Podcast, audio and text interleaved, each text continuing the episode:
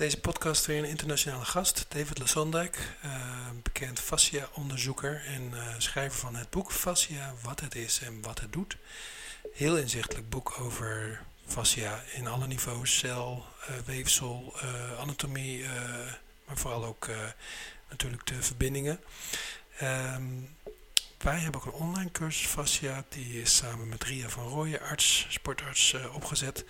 En uh, die is een toevoeging uh, of een uh, alternatief voor het boek. Maar nou ja, fascia blijft fascinerend en genoeg om, om verder over te lezen en te leren en te luisteren. Veel plezier.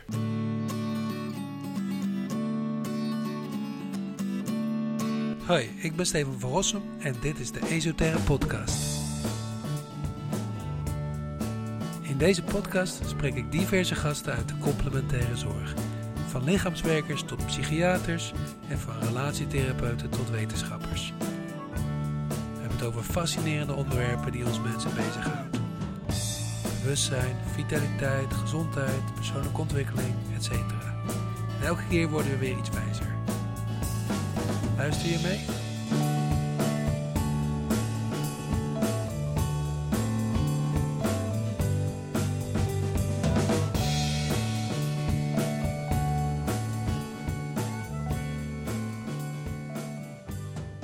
I, I read your book, of course, and uh, I also saw some some videos of you. And um, uh, in your book, you you uh, begin with some definitions of fascia, mm-hmm. and I didn't see your own definition of fascia. And uh, I'm interested, what would you give as a definition of fascia? Well, my definition my definition is going to stay with the science definition because one of my missions here is to get uh, fascia uh, regarded seriously, and, particularly for me in, in, medical circles. And I do work with a medical center here in Pittsburgh. So my definition is it is there. The, the simplest way I can put it is that it is both a tissue and it's a system. So it is a predominantly collagen based tissue that surrounds, interpenetrates the muscles, the organs, the nerves, and the bones. It has a fluid component, the most important one of which is hyaluronan, and it forms within the body a system of support and movement that interacts with many bodily parts and bodily systems because we're not we're not a discrete you know the the the cell model of medicine which we still live under uh, has this idea that we're made of these little parts and you put enough of these little parts together and you get a whole mm-hmm. and uh, to me we're a very complex whole yeah. that we can divide into parts which makes it easier to talk about and that's useful but we should never mistake the parts for the whole and vice versa. So I see fascia as being a tissue and an interconnected system that is collagen based with a fluid component, the most important of which is hyaluronan. Um, hyaluronan, yeah. It took yeah. me a while to learn that word in Dutch. And it's it's a hard word to say. It's easier to say hyaluronic acid, yeah, but it's not an acid. I just saw a commercial yesterday of Nivea. They also have uh, uh, uh, for your skin now something with hyal- hyaluronic acid in it. Yes, and I was talking to oh, who was I talking to? But I, I was talking to one of my colleagues, and yeah, it that's not going to do it. so yeah it's a nice it's a nice marketing tool but it's not going to do it. And i asked antonio stecco years ago like uh, you know what about hyaluronic sup- supplements? He's like nah no no. So uh, i'm sure he feels the same way about nivea. Sorry nivea you're not going to be a sponsor on this podcast. Hey and uh, what what how did you get fascinated by fascia? Okay um origin story so somewhere I started out as a massage therapist. Uh, and before that, I started out as somebody who just had good palpation skills. Uh, if somebody said, "Oh, my neck's hurting," I would just instinctively go, "Oh, here, let me," you know, and I could I could feel and differentiate things under the skin uh, in a way that people seem to like uh, and would ask me to, to replicate. So, as often, sometimes the things that come naturally to us, we don't always uh, we don't always recognize for being what they are. So, I grew up in a working class town, uh, steel mill oriented town, and when you said the word massage, it meant something very specific uh, that had to do with sex. And there was a particular place downtown where you went for massages and massage parlors.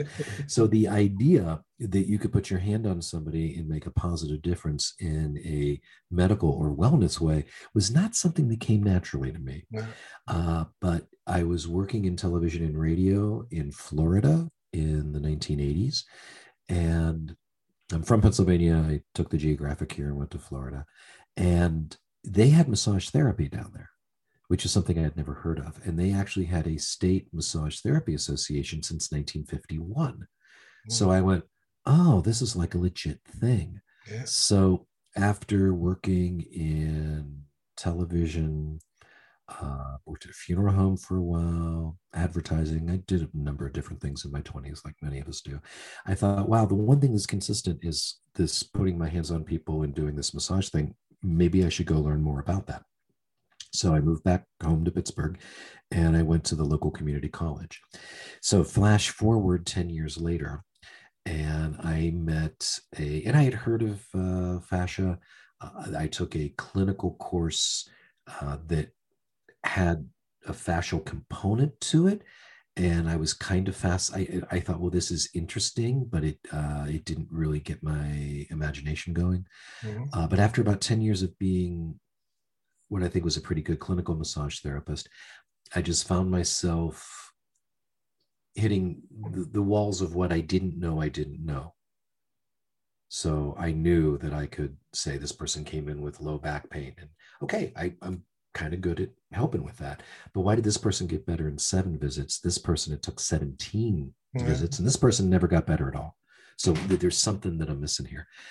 And quite frankly, I started developing some of my own aches and pains. I, I worked out at two locations. Then one of them was not a good ergonomic situation. So I didn't have a lot of room to really pull back from the table and use proper body mechanics. So I was, you know, I was like this a lot, standing up mm-hmm. and pushing down. Um, and then a, a, Heller worker, which is an offshoot of Rolfing Structural Integration, mm-hmm. uh, moved into the one of the towns where I had my practice. And I thought, wow, I want to go see what this person is about and uh, trade with them. And the moment that she started treating me, it was just in my head. It was like, this is exactly what my body needs. Wow. Um, this is what I think I need, you know, not think. It's like, this is what I need to learn because this is what I want to be doing. And sometimes I think I'm actually doing it, yeah. Uh, which sounds a little arrogant, but fascial touch has a distinct quality that's different from, say, effleurage, petrissage, yeah. trigger point therapy. Uh, and so sometimes my hands would just find that. And it was always a good experience when they did, but I didn't know that I was doing something. It felt different, but I didn't really understand it. So it's like, I need, I need to fix myself and then I need to go learn this. Cool. Um, and find out as much as I possibly can. So that was around 1999, 2000 um, that I made the the connection, but it took me to about 2002 to find the right training. And then once once I jumped into the deep end of the pool, there there was no going back for me. Oh, cool, cool, relatable, relatable. Yeah, I think a lot of uh, therapists already worked on the fascia before even knowing it exists existed. Uh, yeah, your hands find something interesting, and you remodel the clay, if you will, or however you want to think about it, they get a positive response, and you just start developing that that skill in your hands. Yeah, yeah. Well, what also fascinates me about fascia is that um, um, how do you say that? It's not that, that the fabric feels different, but you also get different information back into your hands. Yes, you do. Yes, you do. Yeah. How? What? What kind of different information do you get back into your hands? What, what did you notice was the difference?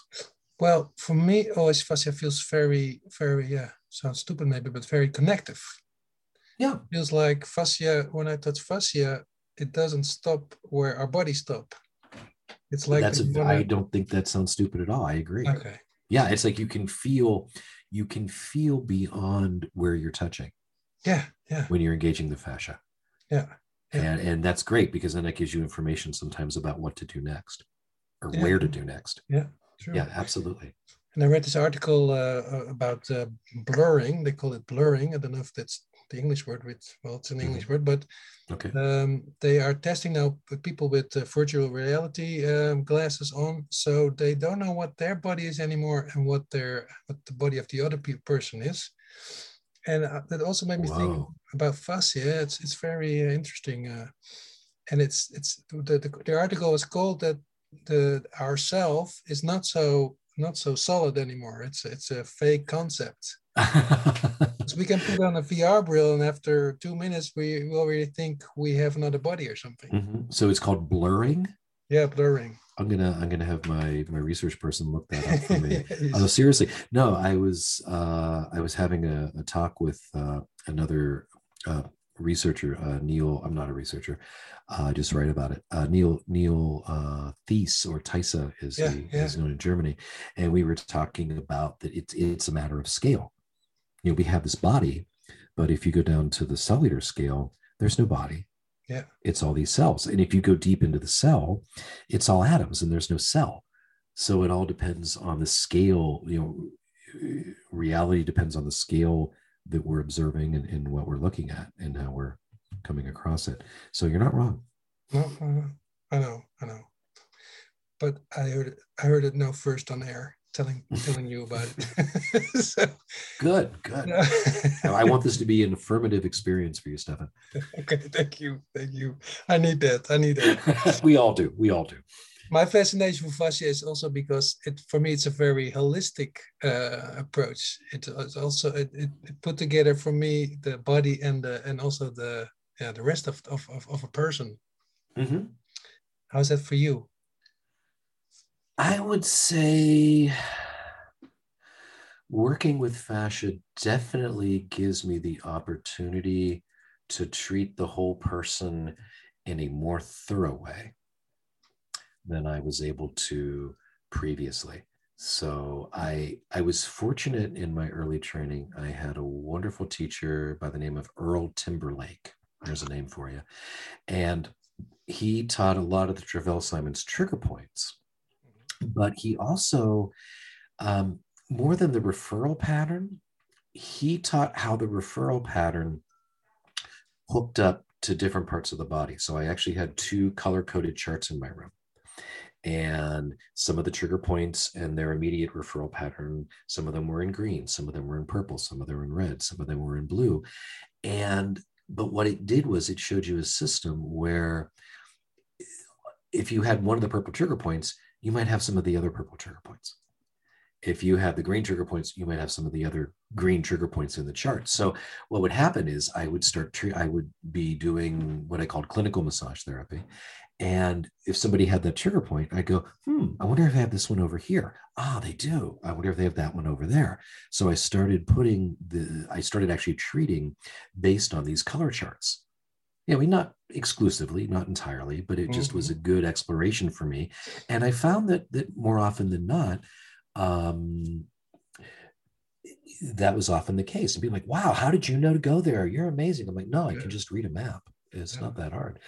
Uh, so, so that idea, that interconnected idea, uh, made intuitive sense to me. It, it, it bore itself out clinically, uh, anatomically, pathologically. At the time, I, I can't pretend that I understood it. So when when I discovered the fascia and specifically the anatomy trains model, it was like, oh, okay. Yeah. Uh, it was it was a, it was a big learning curve for me, but the the core concept felt like home to me. Yeah. So that was that was what made it easier for me to make that leap. Uh, and what I saw was a much better way to treat the body as a whole, as opposed to I had all these maps, but now I can actually put the maps together and create a globe, or in this case, the whole person. Wow. Yeah. Yeah. The globe. Yeah. Interesting. um, I, I don't know, but I, I'm starting to think about. I think you call them fractals in English. Yes. And as uh, it pops up because you talk about globe, and uh, I was just went to my head like uh, it's always always so fascinating that we we can zoom in onto our body and find these pictures of like deltas that we can zoom out and find on the earth too. It's like the the, the same building stones. Mm-hmm. That's mm-hmm. there's a really good movie. Uh, I shouldn't say movie. It's a short film from the 1970s called Cosmic Zoom. And if you go to um, if you go to YouTube and type in Cosmic Zoom, you'll find it. And it's pre digital, boys and girls, but that doesn't make it bad. And what they do is they start with somebody having a picnic in Central Park in New York City, and they start zooming out, zooming out, zooming out. Uh-huh. And then you see the whole park, and then you see the whole city, and then you see the New York State and the United States. And eventually you get out beyond the globe and you go all the way out to the outer boundaries of the universe and then they speed it up and go all the way back down and then they go inside the person having the picnic all the way down to the cellular level and it's no different. Yeah yeah amazing. so check out cosmic zoom. Yeah well not now because you're you're listening to this podcast everybody but when the podcast is done check out cosmic zoom on youtube. We'll put a link in the bio yeah. What i also liked about your book is that you um, talk about i think the english word is glia? Is it glia? Glia yes. Mm-hmm. yeah, yeah yeah and for me that uh, I, thought i read in your uh, you, in your writing that you were like surprised how glia is also like fascia but then like in the brain. Like to me it felt like fascia is is also always, almost like sort of a, a, a, um, uh, how do you call it? A symptom. No, that's the wrong word but you can have in in in in in, in in tissue, you can have it in glia, and mm-hmm. I also think you can have it in like in in a, in a in an energetic way or something. Okay. Did I read um, that correctly, or do it make sense? no, no, no, no, no. I uh, yeah. In, in sometimes language, uh, I hey, you speak English way better than I speak Dutch, uh, so I'm grateful for that. So we can we can we can work our way through this. I to take a step back from that so I, I can follow you uh, down this path. So early on in my training, I was either told or I got the incorrect impression. So I'm willing to own that, that the glia was the fascia of the brain. And I thought, well, that explains everything. Mm-hmm. And um, so I kind of always made a point of if I found a book on glia, I got it, I read it and I saw a lot of similarities. Now, it's not the fascia of the brain, uh, but I I was actually asked to do a lecture on it, and uh, by Robert Schleip uh, for the fascia research um, summer school one year, and um, I was talking about fascia and the mind-body connection in glia, and he thought that that sounded really interesting. He said, "But but but you do know, glia is not fascia." and I thought, well, I know that now. uh, not not my best moment ever, uh, but I appreciated him correcting me. But he thought there was a good idea there, so I thought, okay, if he thinks that I'm onto something here, then I'm just gonna I'm gonna knuckle down and do it because uh, I didn't want my my beautiful idea to be ruined by an unfortunate truth. So it just made me work harder to figure out what it was. And what I discovered was that the, the glia system, uh, the glia outnumber the neurons in your brain nine to one. So rather like this idea that we have in the musculoskeletal body, that the muscles do everything and the fascia is just this passive wrapping that protects you from stretching too far or getting compressed too much. Mm-hmm. Uh, that was kind of what glia did for the brain, and they they cleaned up the metabolic waste. And so they were, by and large, they were ignored. Uh, the neurons were larger to see under the microscope. They were bigger. There were less of them, but they're bigger, so they must be more important. Uh, that's not necessarily the case. Um, the glia, it was discovered around the turn of the last century that the glia do communicate to each other via calcium waves, which is a very, I don't want to say primitive form of communication, but that's what goes on in the the paramecium of the cell uh, i'm sorry in the in the cilia of the paramecium. So paramecium is a single celled organism. It has these little hair-like things called cilia, and that's how they float around. Mm-hmm. And if they hit a, a barrier that they can't get through, those cilia move and they float away. But what's actually going on inside the paramecium is there's a calcium wave aspect to that that happens that engages that process that you know we see it is oh those little hairs feel it and they move away and that's true up to a point. Mhm. so these these cells these glia outnumbering the neurons 9 to 1 they communicate to other glia via calcium waves not through electrical communication. And when you think about the brain you think about electricity. Uh, these chemical messages uh, can be very far reaching and actually can affect brain function. Uh, it can affect the release of ATP, speaking of the muscles again. It can actually affect changes in respiration. So it can affect which neurons talk to other neurons. So there is a cooperative uh, system going on there between the glia and between the neurons. And it's not this idea that we have of this hierarchical top down structure where the neurons are in charge of everything and everything else just serves the neurons. Uh, I'm not sure that's an accurate model anymore. Mhm. And the other thing I find fascinating about glia, again, like fascia, they were they were ignored. Um, you know, uh, for a long, long time, they form this complex system within the brain that alters the brain function, just the way the fascia creates a complex system that can alter muscle and other functions. Uh, and the thing that I find fascinating is the further up you go on the evolutionary ladder, the more glia you have. Mm. So uh, humans have a much higher glia to neuron ratio than a mouse does. Oh, really? Wow. Dogs are somewhere in between. So I, I find it interesting that the more, and I don't know how many dolphins have, but I'd like to know because they've got some pretty amazing brains. Yeah. But the more sophisticated the brain, the more glia exist in relationship to the number of neurons in the brain. So, hmm. you know, there is something, there's something there. And there's even this this crazy idea that that perhaps, and this is based on one instance that we know of. So you can't really say that that's true everywhere. But there were places in Einstein's brain that had a higher ratio of glia than normal. So instead of Yeah. nine to one, it was like 21 to one. Uh, and these were in areal areas of the brain that are attributed to spatial thinking, uh, visualization, uh, areas that you would expect Einstein's brain to be a little bit different than the average brain to have. So the the question that speaks to me, but I'm not aware of anybody investigating it. I'm not sure how they would until you're dead. But um, it, you know, is is it there because like fascia, those were parts of his brain that he used a lot. Yeah. So just like the way you use your body affects how your fascia grows, Yeah. does the way you use your brain affect how your glia multiply and respond? I have no idea. Yeah. But these are these are the questions that that keep me up at night and keep Yeah, me reading course. research. Of course, of course. I can totally imagine that. Um, um, yeah, because that sounds like glia is is the one of the fabrics of consciousness. Yeah, I like that. Yeah, yeah, absolutely. I think that could be. I think that could be. I, I, I may steal that, but I'll give you credit for it, Stefan. No, go, go ahead. I, I'm also going to talk to Nivea about it. Maybe they can uh, okay.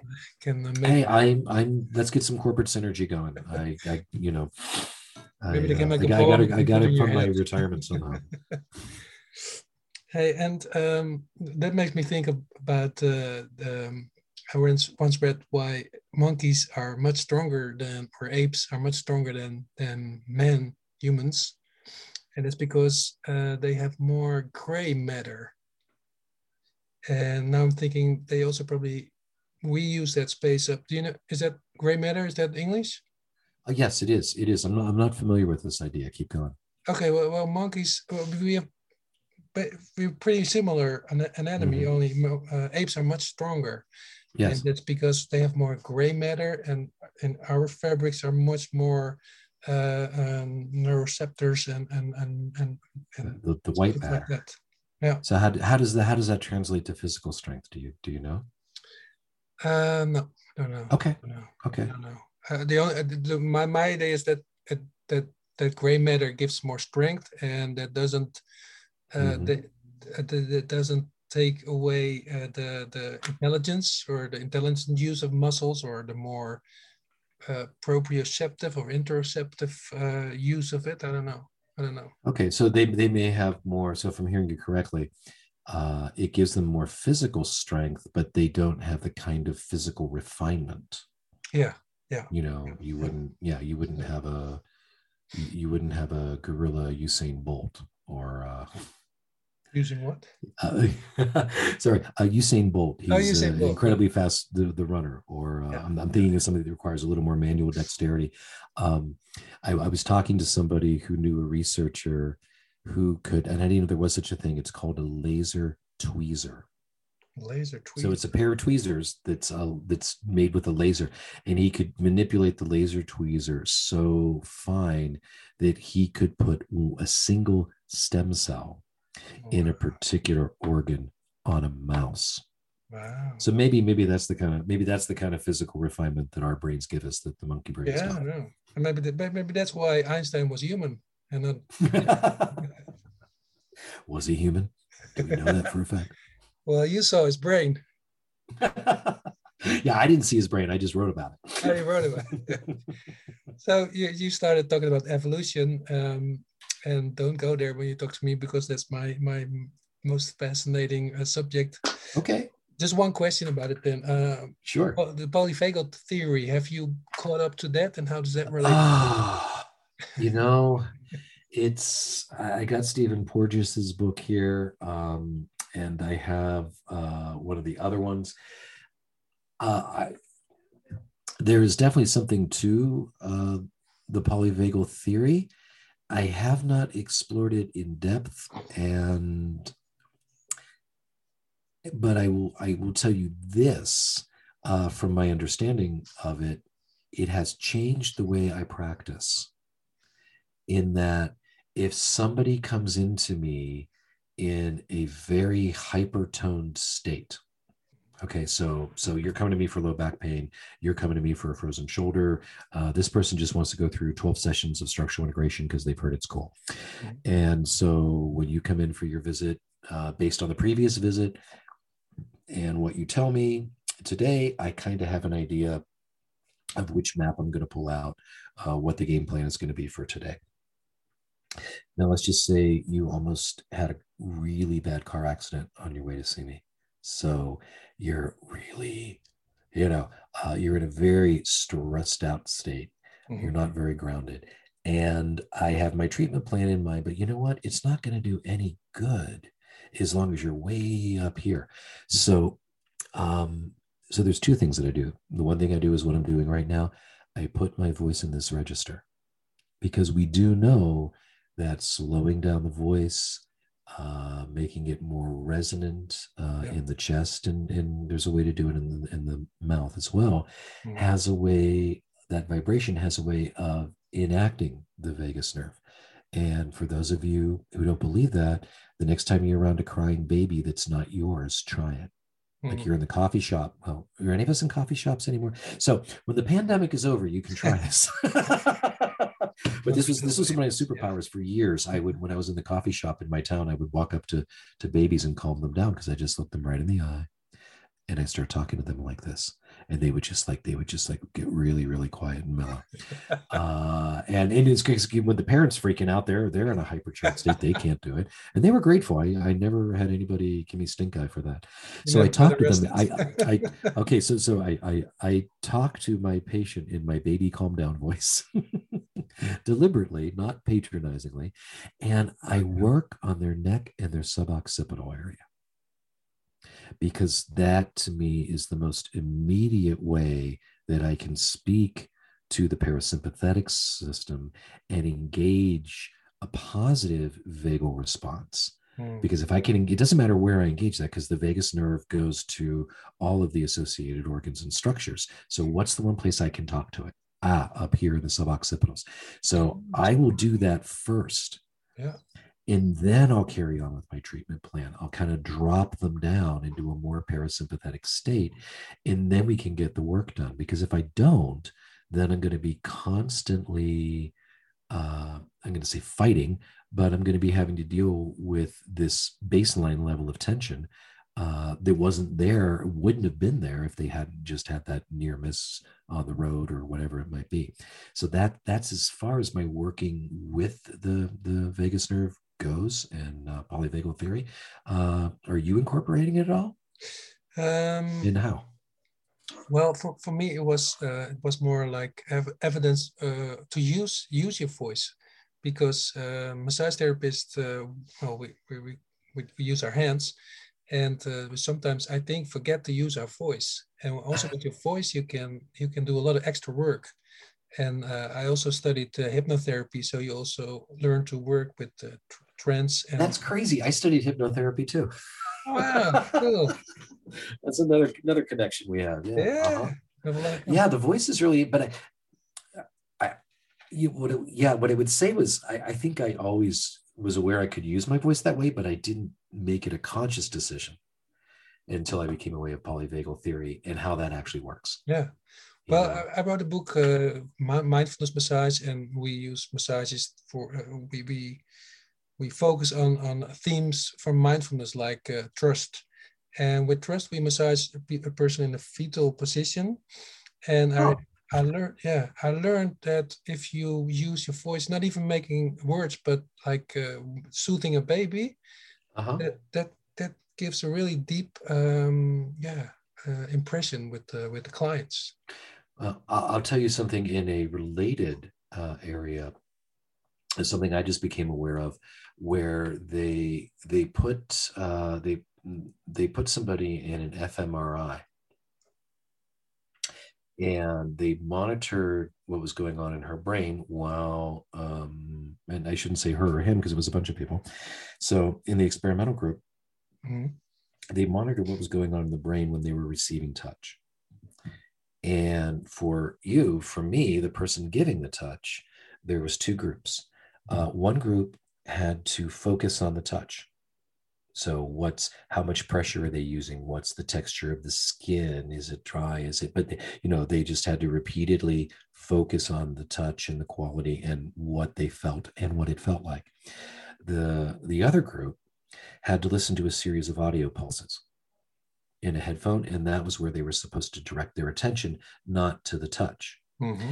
And they found that the the person receiving the touch, it lit up different areas of the brain.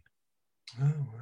So it, even though the same areas were being touched, the same parts of the brain were not being stimulated. Wow. And yeah, yeah, and it's like I barely know what that means yet, but it does seem, but it but it does seem to indicate that that what you focus on, the quality of your attention matters yeah, so so so what you say what you say to the person that you're massaging or that you're treating matters. Why, why are you going to say wow this is the tightest trapezius i've ever seen. Oh. does that does that do me any good? Does that do them any good? You yeah. know um or if they want to you know and I'm, I'm sure you see this too. Um the first few times you see somebody they they're probably more talkative because you're getting to know them and they're getting to know you and that's fine. That's part of being comfortable. But after a while i kind of want them to not be so talkative. Mm-hmm. because it's distracting. It's mm-hmm. really distracting from what from what we're doing yeah. and, and i don't think they're getting the best treatment possible. And part of that's why. I think because i and for me personally if i have somebody who i find mentally very stimulating i have to tell myself D- don't engage in conversation because you'll be up here in your head in the conversation and your hands will be on automatic pilot and uh, maybe maybe it's a pretty good automatic pilot but it's not going to be your best. No no. Doesn't have to focus the attention. Yeah. Yeah so no, where you focus your attention matters. Yeah. Well interesting. Um yeah i wanted to ask a question about interoception and proprioception. Okay but I don't know. I just I just wrote down the words, and I want you to tell some talk something about it. okay. Well, so... here's the thing. I, I I had a short interview with Dr. Schleip and uh, Robert Schleip, and I also made a mistake. I I said something which was I thought was interception, and it was or proprioception. It was interception. Mm, It's okay. And later I heard him with another podcast, and he said, "Well, if if a massage therapist does no difference, he should go back to school." don't take that don't take that too personally okay? We i've made if you think of the mistake i probably made it somewhere down the line. And uh and probably because i was just really excited at the time and um there's uh, hysteresis isn't one of those every time i see the word hysteresis i have to go look it up because i can't remember what it means and don't ask okay because i don't remember right now uh, and then when I look at it, I'm like, oh, that's what it means. It doesn't sound like that's what it means. So the easy way to uh, think about interoception and proprioception. So right now I'm talking to Stefan, and I've got my my uh, coffee mug here uh, that has a sealable lid uh, that helps keep everything nice and warm. But I'm trying to get the lid off. Now I don't have to look at it while I'm looking at Stefan. I can Mm. just feel with my fingers and pry that lid off because there's a little bit of chai in there, but I can't get it out with the lid on. and I just raised it to my lips and I took a sip. And if I'd been thinking, I would have done it with my eyes shut because, and I'm going to take a second sip here if you're watching on video. So my eyes are closed, nothing up my sleeve. And I've got the cup in my hand wow, amazing! and I can take a sip with my eyes closed because I can feel the experience of my own body Yeah. and manipulating my body in its environment. Yeah. Okay. Uh, when if if I crossed my leg uh, while I was talking to you for the next half hour and then got up off the chair when we were done and my calf had gone to sleep, I would put my foot in the ground and my proprioception would be crazy Yeah. and I might fall over because I would have impaired my own proprioception by cutting off circulation to my leg. So that's why I don't know how it is in, um, you're in Denmark, right? uh, Holland. Holland, sorry, my bad. Um. So yes, Dutch, my bad. Uh, you're in Holland. So when before they had breathalyzers, and when you were uh, suspected of driving drunk, and they would pull you over, Yeah. they would ask you to touch your finger to your nose or get out in the street and walk on the line down the center of the street in a straight line because alcohol impairs your proprioception. Um, I got it was a weird experience, but I got the second I got my second dose of the Moderna vaccine last week. So haven't haven't grown any extra body parts yet, so I'm happy about that. But I got my second dose and I felt great till the next morning. And I was in the kitchen thinking I can go to work, but I felt like I was drunk, but my brain didn't. But my body was just off wow. and my brain is my brain is functioning normally and saying do this do that put this here. But it's like i go to put the cup down and i wouldn't like i better be careful that i, don't miss the counter and break the glass. Um, i think i'm just going to go sit down for a little while. Maybe i shouldn't be driving. It's like my my physical Wow. perceptions were off from my mental processes. So that's when proprioception isn't working. So interoception is internal. And that's something we're still mapping out. I'm sure the vagus nerve is involved in, in this somehow. Uh, but interoception involves how we feel on the inside. So if I take a moment right now, I can feel that my left deltoid, mm, maybe it's a little trigger pointy. I'm not sure what. My voice is getting a little hoarse Mhm. because uh, I've done a number of interviews today, and this is the last one. So I'm consciously making my voice a little breathier Yeah. uh, because it's getting a little tired. And yeah, my butt is a little stiff. I should wiggle it around a little bit.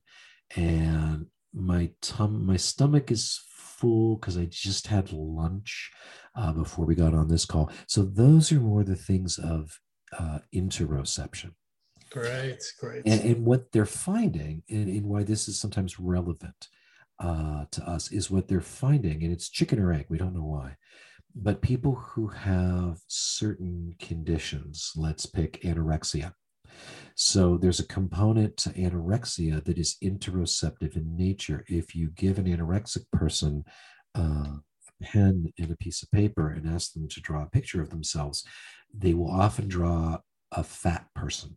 Yeah. Because their perception is that way, and and I've worked uh, I've worked with some people who've had stomach staple surgery, uh, people who've lost you know on the order of 150 200 pounds 100 or so kilos. And their perception is that they are still that heavy even though they're not. Yeah. And it, it's like it's like it takes the brain longer to catch up to the changes of the body no, so there's a lot of weirdness there there's a lot of weirdness there so is that uh, is that clear now yeah totally okay. totally thank okay. you very much but you were also saying something about uh, uh, with your eyes closed uh, taking a sip and i was thinking about that ape again I, I, I thought he probably wouldn't be able to do that, but I'm not sure. And maybe that's the difference between uh, with the gray matter and, and a more uh, evolved uh, uh, uh human. Um, yeah, yeah, that's that's a good question. I don't know if they've, if they've let's blindfold a monkey and give him a banana and see what he does. I'll look into that. Okay. yeah, let's let's let's get some blindfolded monkey studies going. so uh, maybe last question. Uh, um, you, uh, it's, it's, nice to hear because I also interviewed uh, Robert Schleip, and he also uh, became a researcher after being a, a, body worker. And you sound like you also been uh, you're really more of a researcher now than a body worker or therapist. Uh huh. Well, that's that's nice that you think so. Uh, not yet. Okay. So I so do you have a private practice, Stefan? I had. I'm a teacher now. Okay. Um, so I had a private practice for years, uh, and then I had a, a, small little office with a few other people in it. And then I got the opportunity to join the uh, department we call here integrative medicine, mm-hmm. which uh, has uh, an MD running the shots and a psychiatrist, but also has someone like me massage therapy, chiropractic, acupuncture, yoga, biofeedback, all of all of those kinds of mind body things, uh, mm-hmm. uh, but working in a medical environment. And I thought this is where I want to be. So I was hoping to get more involved in the research end of things. And I was met with more resistance than I would have liked. And I don't take that personally. Uh, and so I'm hoping to actually start doing some research, but I haven't really done any independent research on my own. Mm. I just, I was fortunate enough to, when I was working for, uh, and with Tom Myers and in the Anatomy Trains uh, School, uh, met Robert Schleip. Mm. And Robert was very encouraging to me of the more science uh, I don't know. I don't remember too much about myself then. I was just trying to be quiet just enough to not get kicked out of the room because I knew how much I still didn't know. Yeah, yeah. But Robert, Robert liked the questions that I asked, so he encouraged me to come to Germany uh, to take part in this fascia summer school. Wow. And it was the last thing at the time that I could afford, but I did it anyway. And and then he asked me to come back. He said, Hey, you're handy with a video camera. Do you think you can videotape these presentations so that we have them uh, to watch again later? And I said, Sure. And then I started editing them and putting the slides in in the right place. So I had to listen to these people to know where to put the slides in um, and things like that. So I sort of had a, a bootstrap uh, science education. I always liked science, but I had a, a, bootstrap education in fascia science because I kept going to Germany once a year or so to work with Robert and with those people and hearing these things over and over and editing these videos. So I got and plus I was working in the medical environment, so I figured the the more I could speak in that language, uh, the better I, the more effective I could be in the medical environment of finding other people to maybe do some fun research with. So I'm flattered that you think I've done some original research. I have some really interesting ideas. So if you're out there and you're listening, uh, email me. It'll be in the show notes. Uh, but um, involving EEGs, involving portable EEGs, and um, that's all I'm going to say at this point. So I'm hoping that somewhere down the line, I, I will have uh, a name uh, my name on a research paper or two, just because it would be a cool thing to do, and I'd like to, Yeah. I'd like to do some research that that moves the ball forward Yeah. and and gets us closer to the kind of medical acceptance that we need. And I think, I think medicine is finally willing to listen. We had uh, an opioid crisis in this country. I don't know if hmm that affected Holland at all or not. Uh, The opioid crisis? yes, No, but but we- I've seen it. Yes. Yes, so it was uh, it was a type of painkiller for musculoskeletal pain that absolutely got people addicted, Yeah. Yeah. and it, it was overprescribed, and it was a very very very bad situation, and so medicine is looking now for alternatives, particularly for pain, and that's where people like you and people like me can really make a difference. Uh, what we have to do is we need to up our game a little bit, and um, and be able to articulate our thought processes about what we do and how it works. Yeah. So so they, they're like, oh, because like believe me, the, the people that I work with, uh, the the connection network I've made in the hospital, I have a, a you know, this surgeon, that physiatrist, and, and so on and so forth. They don't know the things that I know, No. but they respect that I know things that they don't know that are useful, and vice versa Yeah. yeah. so you know it's not about it's not about uh, convincing them about what you know it's about being comfortable with your knowledge and being able to communicate it effectively and that's something we could you know all get better at doing. We need to quit talking about lactic acid. Um uh and and i and i could go on about things like that. Um you know i'm not going to bring up crystals if I'm talking to a surgeon. Uh, I don't know that I want to bring that up to anyone. But I mean, there are, but yet the, the nice thing about integrative medicine is you can talk about some of the softer things. So at some of these integrative medicine conferences, I can have a talk with a doctor about the soul and it's okay you know it's like you can you can bring those uh, emotional and spiritual parts uh, into the room with you um, you know I, I had a amazing talk with somebody at one of these conferences about of all things feng shui.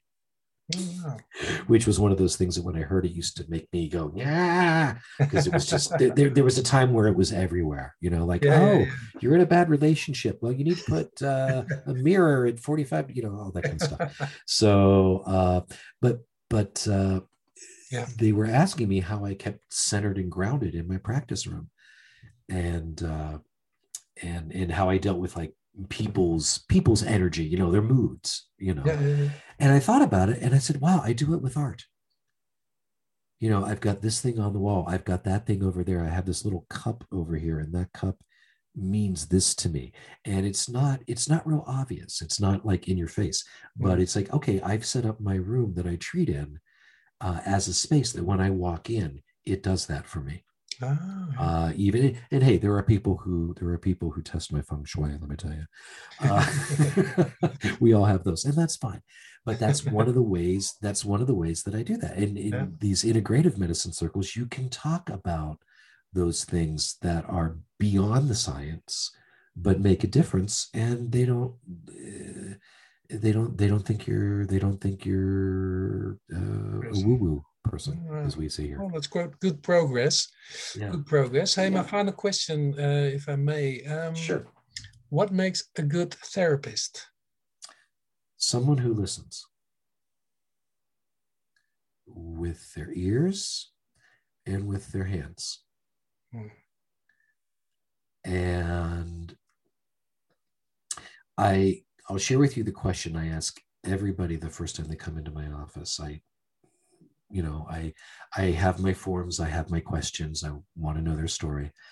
And um I can't tell you maybe we're 20 minutes into that first visit and i'm thinking i got about 30 minutes left and then this person has to leave. But i let them talk and people say you sat and listened. Thank you for listening. I hear that so often. So be listen ask thoughtful questions don't be in a hurry Hmm. to get to the treatment and you know you might spend a half of that first visit listening to the person But by the time you do the treatment, even though you know it wasn't maybe as thorough as you liked it to be, you're going to have a better treatment and they're likely to get more out of it because a lot of the people that I see that are having chronic pain problems uh, or have tried this thing, that thing, and the other thing that haven't worked, they feel like nobody is hearing them anymore. Wow. And and I'll say to them, you know, and they'll say, "Does that make sense?" And I'll say, "Well, it makes sense to you." Okay, so it's real. It's real to you.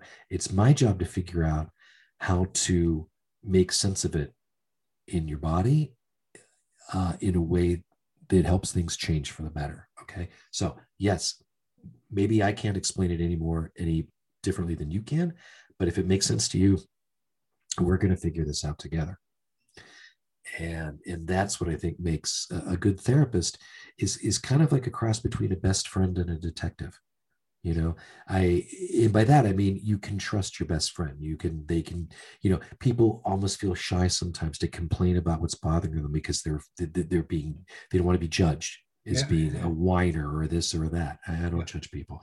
So that kind of best friend aspect and, and being a detective like trying to figure out well how does this piece that piece and the other piece fit together in this pattern? Do they fit together? If i change this one piece here and have them get up and move their shoulder or you know put their feet on the ground do a side bend how does it change how does that give me information so it's you know my, my practice is is very different in terms of uh, interactivity and getting people up and down from the table than say the type of massage therapy i was first taught 30 years ago it's very different awesome awesome awesome well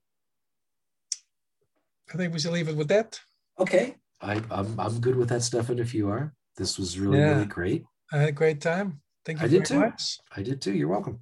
We talked about all the important stuff. Even we talked even about monkeys. So uh... well, now I got to look up that gray matter, white matter thing. I got to check that out. yeah, I'll, I'll, dive into it again and I'll mail you. Yeah, yeah. If you have any links, send me.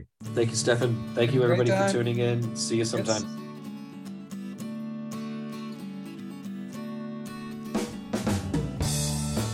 Deze podcast is gemaakt door interviews Stefan van Rossum, redactie Esmee Donker en Maurice de Gruiter.